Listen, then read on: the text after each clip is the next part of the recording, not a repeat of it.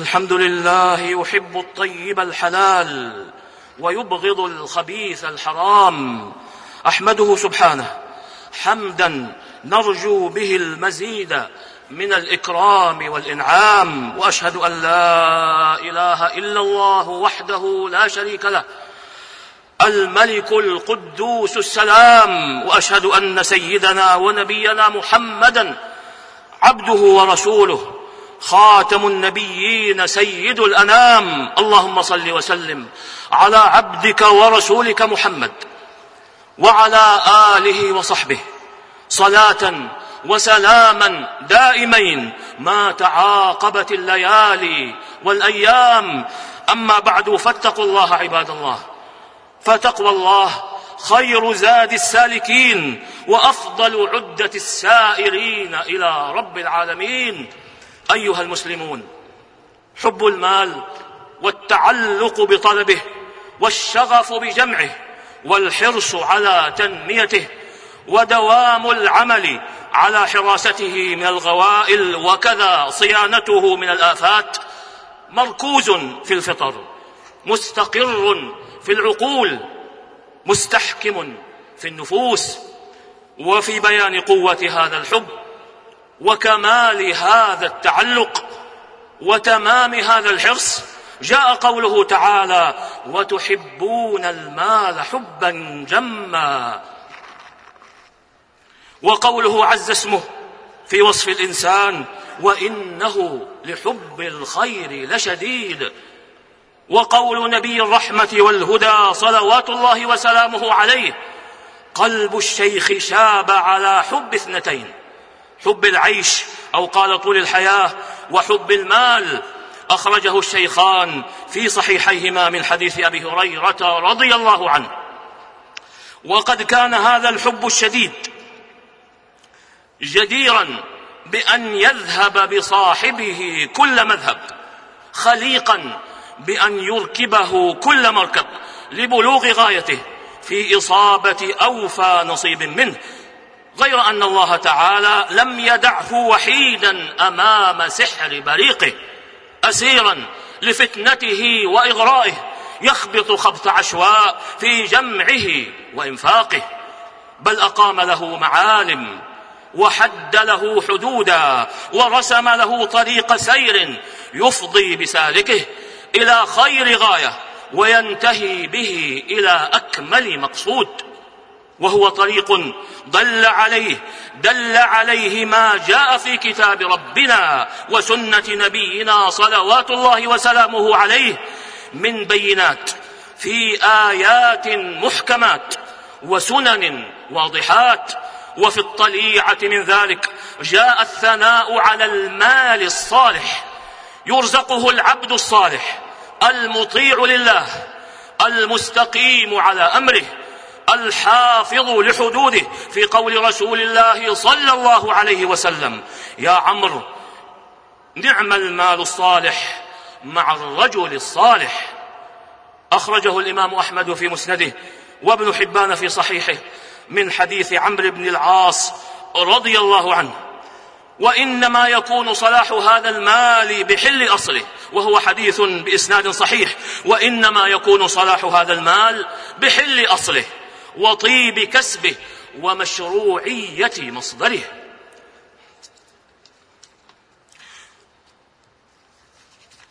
وهذا يستلزم التنزه عن أكل الحرام الخبيث الذي يبوء آكله بإثمه ويكون وبالا عليه. جاء في الحديث الذي أخرجه مسلم في صحيحه. والترمذي في جامعه واللفظ لمسلم عن أبي هريرة رضي الله عنه أنه قال قال رسول الله صلى الله عليه وسلم إن الله طيب لا يقبل إلا طيبا وإن الله أمر المسلمين وإن الله أمر المؤمنين بما أمر به المرسلين فقال يا أيها الرسل كلوا من الطيبات. كلوا من الطيبات واعملوا صالحا. إني بما تعملون عليم. وقال يا أيها الذين آمنوا كلوا من طيبات ما رزقناكم. ثم ذكر الرجل يطيل السفر أشعث أغبر. يمد يديه إلى السماء يا رب يا رب ومطعمه حرام ومشربه حرام وغذي بالحرام فأنى يستجاب لذلك. وهذه إشارة كما قال أهل العلم بالحديث إلى أنه لا يقبل العمل ولا يزكو إلا بأكل الحلال وأن أكل الحرام يفسد العمل وأن أكل الحرام يفسد العمل ويمنع قبوله. والمراد أن الرسل وأممهم مأمورون بالأكل من الطيبات التي هي الحلال وبالعمل الصالح فما دام الأكل حلالا فالعمل صالح مقبول. فإذا كان الأكل غير حلال فكيف يكون العمل مقبولا؟ ولذا كانت الصدقة بالمال الحرام مردودة غير مقبولة. كما جاء في صحيح مسلم رحمه الله عن ابن عمر رضي الله عنهما عن النبي صلى الله عليه وسلم أنه قال لا يقبل الله صلاة من غير طهور. ولا صدقة من غلول وهو الأخذ من غنيمة من الغنيمة قبل قسمتها على مستحقيها. وفي صحيحي ابن خزيمة وابن حبان والمستدرك للحاكم بإسناد حسن عن أبي هريرة رضي الله عنه أن النبي صلى الله عليه وسلم قال إذا أديت زكاة مالك فقد قضيت ما عليك ومن جمع مالا حراما ثم تصدق به لم يكن فيه أجر وكان إصره عليه. وفي مراسيل أبي داود رحمه الله بإسناد حسن عن القاسم بن خ... عن القاسم بن مخيمرة أنه قال قال رسول الله صلى الله عليه وسلم من اكتسب مالا من مأثم فوصل به رحمة أو تصدق به أو أنفقه في سبيل الله فجميع ذلك جمع ذلك جمع ذلك كله جميعا فقذف في جهنم. وإن الأمر ليس مقتصرا يا عباد الله على هذه الآثار مع شدتها وعظم, وعظم التضرر بها بل إنه ليربو على ذلك ويبلغ الغاية حين ينتهي بصاحبه إلى نار الجحيم يوم القيامة كما جاء في الحديث. الذي أخرجه ابن حبان في صحيحه بإسناد صحيح عن جابر بن عبد الله رضي الله عنهما أن النبي صلى الله عليه وسلم قال يا كعب بن عجرة إنه لا يدخل الجنة لحم نبت من سحت والسحت هو الحرام في كل صوره كأكل الربا وأكل مال اليتيم وأخذ رشا ومهر الغبي ومهر البغي وهو ما تأخذه أو ما تعطاه لقاء بغائها وحلوان الكاهن وهو ما يأخذه أجرا لكهانته وما يؤخذ أجرا لبيع المسكرات والمخدرات وكافة أنواع البيوع التي حرمها الله ورسوله من مطعومات ومشروبات وملبوسات ومتخذات للتزين ونحوها مما هو مبسوط مفصلا مما هو مبسوط مفصلا بدليله في كتب أهل العلم. وفي جامع الترمذي رحمه الله بإسناد صحيح من حديث جابر بن عبد الله رضي الله عنه أن النبي صلى الله عليه وسلم قال يا كعب بن عجرة إنه لا يربو لحم نبت من سحت إلا كانت النار أولى به وإنها لنهاية مرعبة ومصير مفزع. تقض له مضاجع أولي النهى وتوجب تفتح الوعي لإدراك سبيل النجاة والظفر بأسباب السلامة والحظوة بمسالك العافية التي تأتي في الطليعة منها تقوى الله تعالى.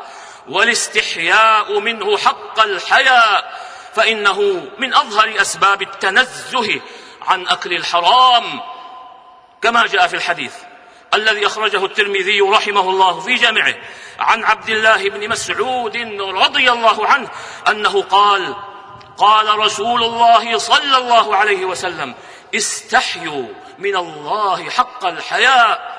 قال قلنا يا نبي الله إنا لنستحيي والحمد لله. قال ليس ذلك ولكن الاستحياء من الله حق الحياء. أن تحفظ الرأس وما وعى وتحفظ البطن وما حوى وتذكر الموت والبلا ومن أراد الآخرة ترك زينة الدنيا فمن فعل ذلك فقد استحيا من الله حق الحياء فحفظ البطن وما حوى أي ما وضع فيه من طعام وشراب بأن يتحرى الحلال منهما وأن يوقن بأن ما قسم له من رزق.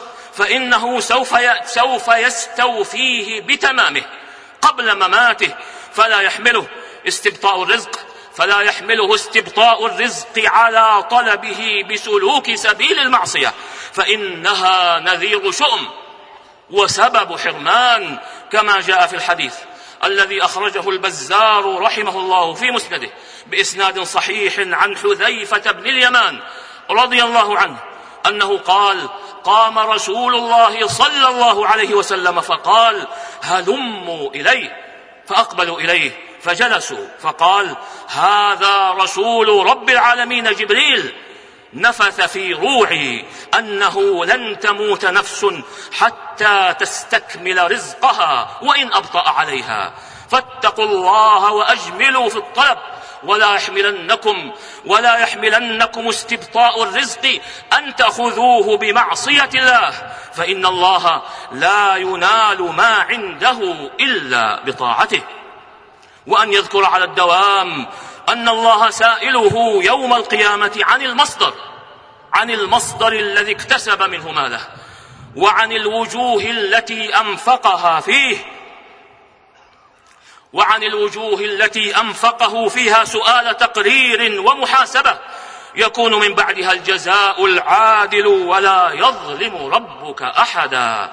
كما جاء في الحديث الذي أخرجه الترمذي رحمه الله في جامعه بإسناد صحيح عن أبي برزة الأسلمي رضي الله عنه أنه قال قال رسول الله صلى الله عليه وسلم لا تزول قدم عبد يوم القيامة حتى يسأل عن عمره حتى يسأل عن عمره فيما أفناه وعن علمه فيما فعل فيه وعن ماله من أين اكتسبه وفيما أنفقه وعن جسمه فيما أبلاه وأن يعلم أن قليل المال الذي يكفيه خير له من كثير المال الذي يلهيه عن كل ما يصلح عن كل ما يصلح به أمره. وتستقيم به حاله في دينه ودنياه كما جاء في الحديث الذي أخرجه الإمام أحمد في مسنده بإسناد صحيح واللفظ له. وابن حبان في صحيحه والحاكم في مستدركه عن أبي الدرداء رضي الله عنه أنه قال قال رسول الله صلى الله عليه وسلم ما طلعت شمس قط ما طلعت شمس قط إلا بعث بجنبتيها ملكان يناديان يسمعان أهل الأرض إلا الثقلين.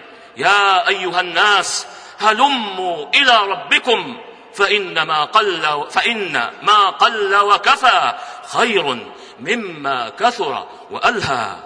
الحديث ألا وإن دوام النظر في هذه الشواهد والنصوص وتكرار التأمل فيما دلت عليه وأرشدت إليه ليورث الناظر ليورث الناظر المتأمل المتفكر دربة وملكة ورفاء ورهافة حس ورهافة حس تبعثه على توخي الحلال الطيب والتنزه عن الحرام الخبيث في مطعمه ومشربه وملبسه وشأنه كله.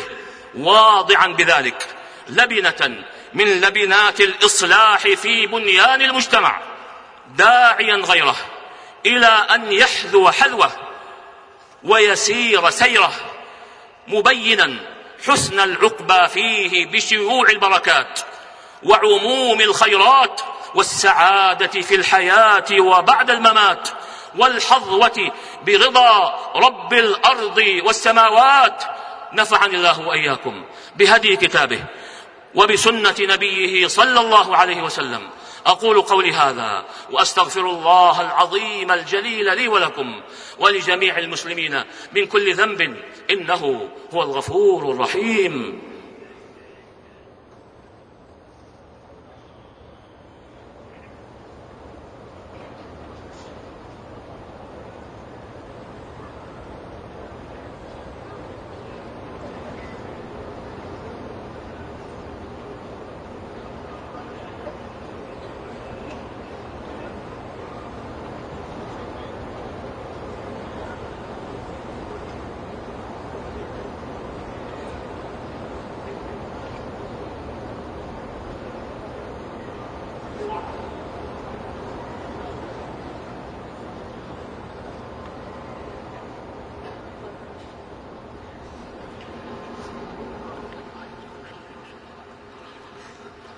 إن الحمد لله نحمده ونستعينه ونستغفره ونعوذ بالله من شرور أنفسنا وسيئات أعمالنا. من يهده الله فلا مضل له ومن يضلل فلا هادي له. وأشهد أن لا إله إلا الله وحده لا شريك له. وأشهد أن محمدا عبده ورسوله صلى الله عليه وعلى آله وصحبه وسلم تسليما كثيرا. أما بعد فيا عباد الله جاء في بيان قول الله تعالى يا أيها الناس كلوا مما في الأرض حلالا طيبا حلالا طيبا ولا تتبعوا خطوات الشيطان إنه لكم عدو مبين. قول بعض أهل العلم بالتفسير هذا خطاب للناس كلهم مؤمنهم وكافرهم.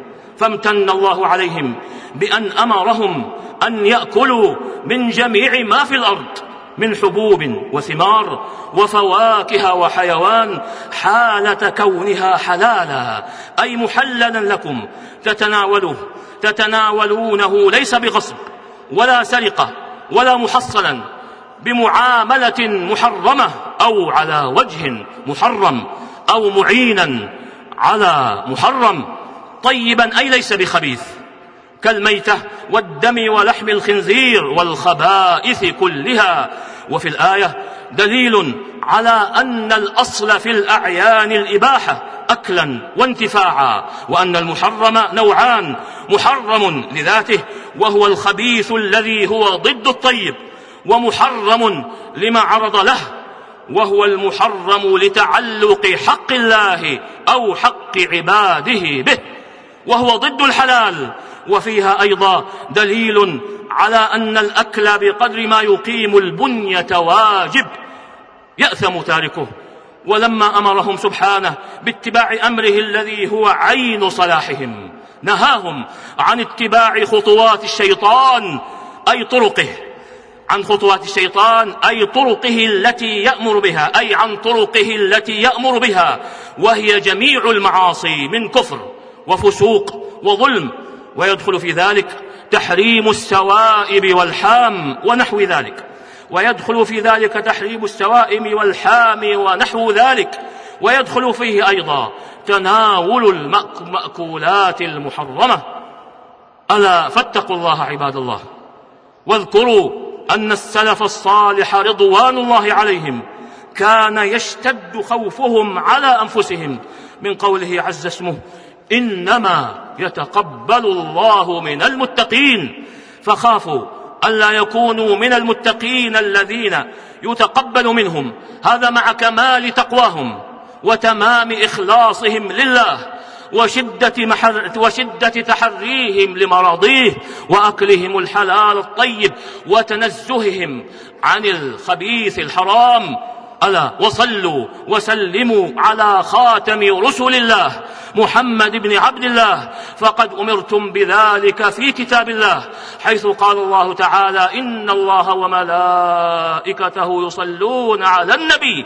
يا أيها الذين آمنوا صلوا عليه وسلموا تسليما. اللهم صل وسلم على عبدك ورسولك محمد. وارض اللهم عن خلفائه الأربعة أبي بكر وعمر وعثمان وعلي. وعن سائر الآل والصحابة والتابعين ومن تبعهم بإحسان إلى يوم الدين وعنا معهم بعفوك وكرمك وإحسانك. يا خير من تجاوز وعفا. اللهم أعز الإسلام والمسلمين. اللهم أعز الإسلام والمسلمين. اللهم أعز الإسلام والمسلمين. واحم حوزة الدين. ودمر أعداء الدين وسائر الطغاة والمفسدين. وألف بين قلوب المسلمين ووحد صفوفهم وأصلح قادتهم واجمع كلمتهم على الحق يا رب العالمين. اللهم انصر دينك وكتابك وسنة نبيك محمد صلى الله عليه وسلم وعبادك المؤمنين المجاهدين الصادقين في كل مكان يا رب العالمين. اللهم آمنا في أوطاننا وأصلح أئمتنا وولاة أمورنا وأيد بالحق إمامنا وولي أمرنا وهيئ له البطانة الصالحة ووفقه لما تحب وترضى يا سميع الدعاء. اللهم وفقه وولي عهده وإخوانه إلى ما فيه خير الإسلام والمسلمين وإلى ما فيه صلاح العباد والبلاد. يا من إليه المرجع يوم المعاد. اللهم أحسن عاقبتنا في الأمور كلها وأجرنا من خزي الدنيا وعذاب الآخرة. اللهم أصلح لنا ديننا الذي هو عصمة أمرنا وأصلح لنا دنيانا التي فيها معاشنا وأصلح لنا آخرتنا التي إليها معادنا. واجعل الحياة زيادة لنا في كل خير والموت راحة لنا من كل شر. اللهم إنا نعوذ بك من زوال نعمتك. وتحول عافيتك وفجاءة نقمتك وجميع سخطك. ربنا ظلمنا أنفسنا وإن لم تغفر لنا وترحمنا لنكونن من الخاسرين. اللهم احفظ المسلمين في كل ديارهم وأمصارهم. اللهم احفظهم من الفتن. وقهم من الفتن. شر ما وقهم الفتن. ما ظهر منها وما بطن يا رب العالمين. اللهم احفظ دماءهم وأعراضهم وأموالهم. اللهم احفظ دماءهم وأموالهم وأعراضهم. واشف جرحاهم. وتقبل موتاهم في الشهداء يا رب العالمين. ربنا آتنا في الدنيا حسنة وفي الآخرة حسنة وقنا عذاب النار. وصلى الله وسلم على عبده ورسوله نبينا محمد وعلى آله وصحبه أجمعين. والحمد لله رب العالمين.